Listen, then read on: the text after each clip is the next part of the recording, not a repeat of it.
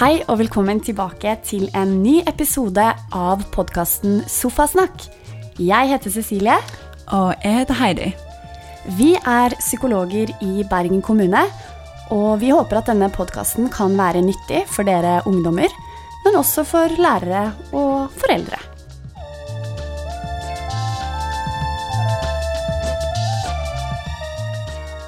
I dagens episode så snakker vi til dere som er foreldre til eh, ungdommene. Det fins veldig mange typer foreldre og familiekonstruksjoner, og vi snakker i utgangspunktet til alle som har en ungdom boende i hus. Ja, og så tenker vi jo også at det kan være nyttig eh, hvis det er noen av dere ungdommene som hører på denne episoden også. Kanskje er det dere som har tipset, eh, tipset noen hjemme om podkasten, og kanskje hører dere på den sammen. Det syns vi hadde vært eh, fint, eh, for vi tror på at det kan være lurt med noe mer åpenhet. Vi snakker mye med foreldre eh, om ungdommene og ungdommene vil gjerne snakke om sine foreldre også. Og noen ganger så er det sånn at eh, det kan være litt sånn fint å vite. Hva er det vi snakker om da? Mm. Og da mener du litt sånn i de timene vi har ja. på kontoret vårt, sant? der vi jobber som psykologer i skolehelse og har hatt da både elever og foreldre inne. Mm. Um, og noe av det som forskningen viser, er jo at det er nettopp den åpenheten med foreldre, familie og venner, de som er rundt ungdommen, at det er noe av det viktigste å jobbe med i terapi. For det er de som skal være der gjennom hele livet. Det er de man i utgangspunktet skal kunne bruke. Mm. Det er jo ofte sånn at eh, når vi møter ungdommer for første gang, så eh, har vi ofte et mål om å involvere foreldrene.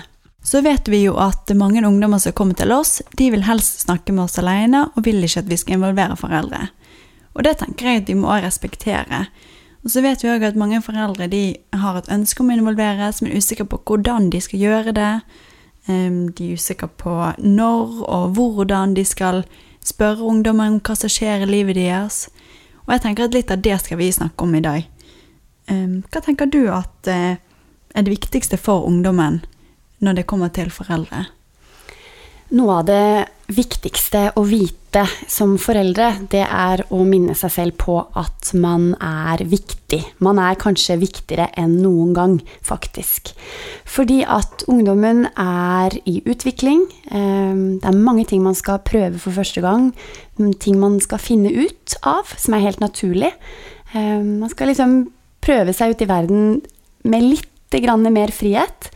Men da er det også sånn at man trenger noen som følger med. Og det skal foreldrene aller helst gjøre.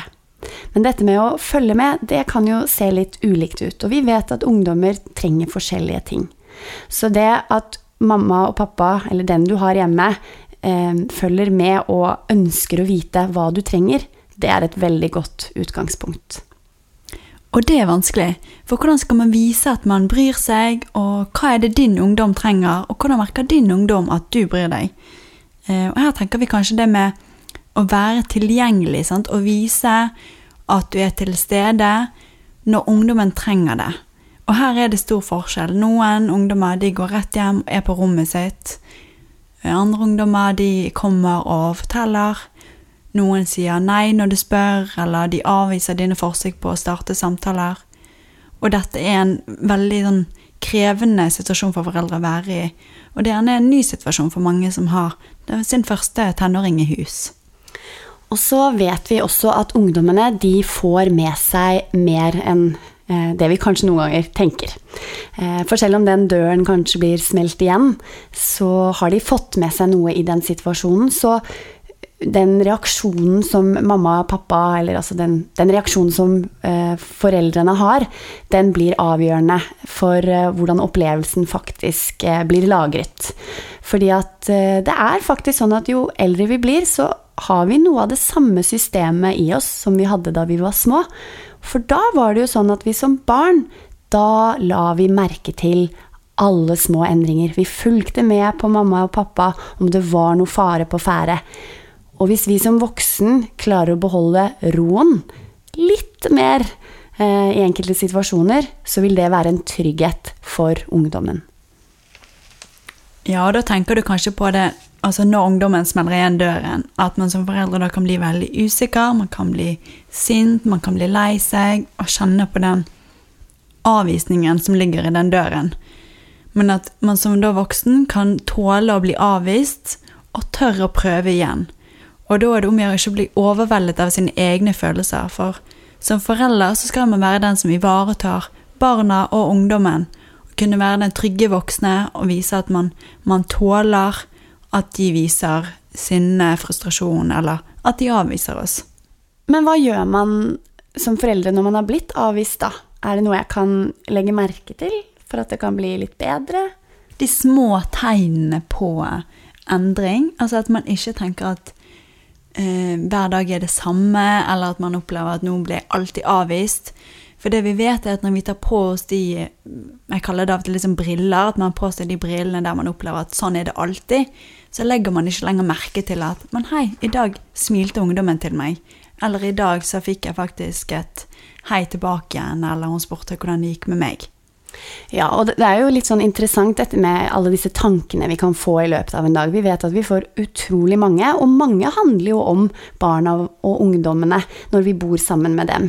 Men vi vet også at vi har mange tanker om jobb, og dette her blander seg.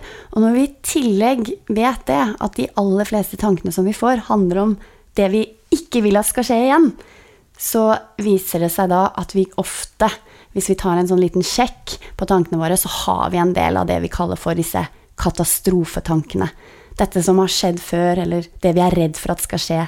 Og hvis vi går og er mye usikker og frykter den avvisningen, så vil det også påvirke kroppsspråket vårt. Og da kan ungdommen plukke opp på det. Ja, og så er det jo ikke farlig at ungdommen plukker opp at vi er usikre, eller at vi har disse eh, katastrofetankene.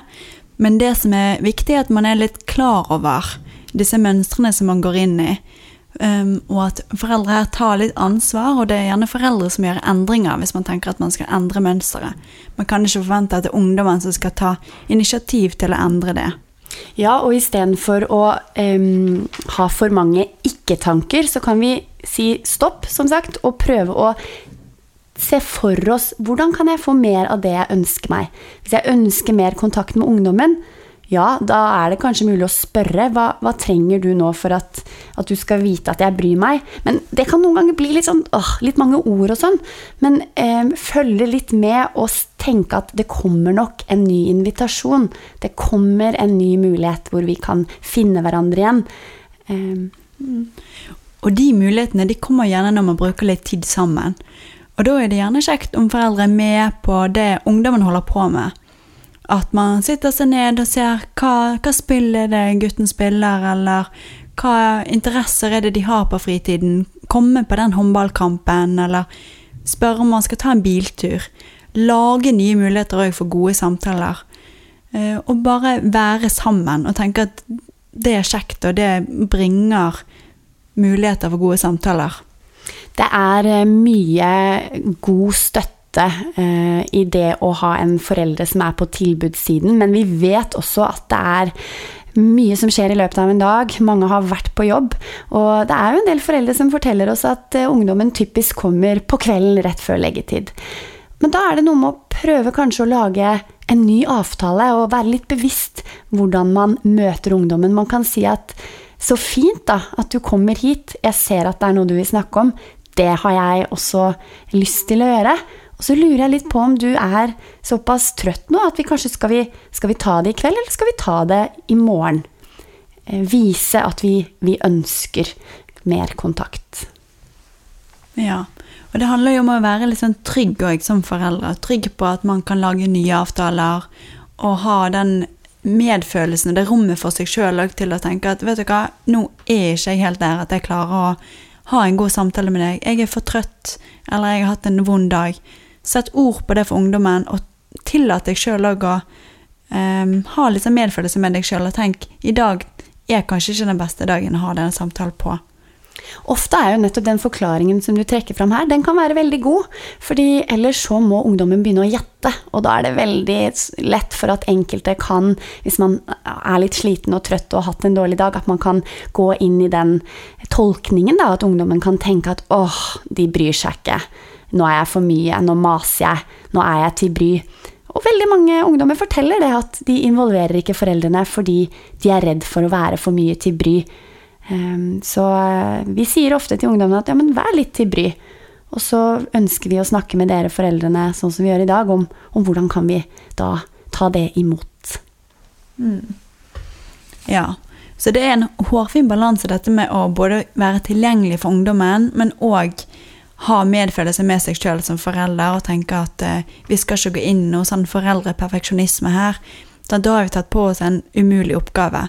Man er nødt til å ha litt slingringsmonn, men man må vise ungdommen at man bryr seg, og at man ønsker å stille opp.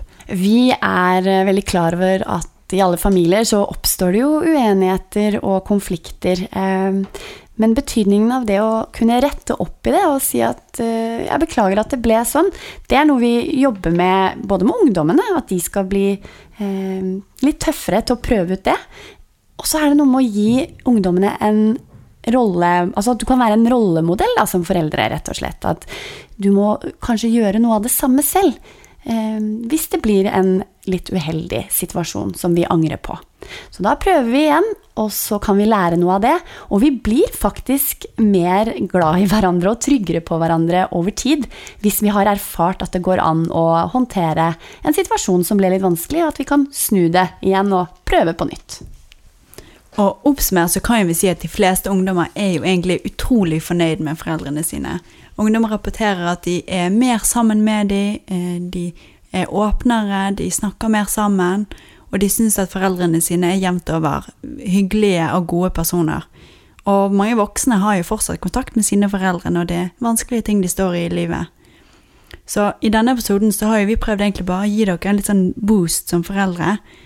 Og fortelle hvor viktig dere er å bruke tiden sammen med ungdommen. Finn på å sjekke ting. Fordi vi vet at ungdommene setter så utrolig stor pris på dere.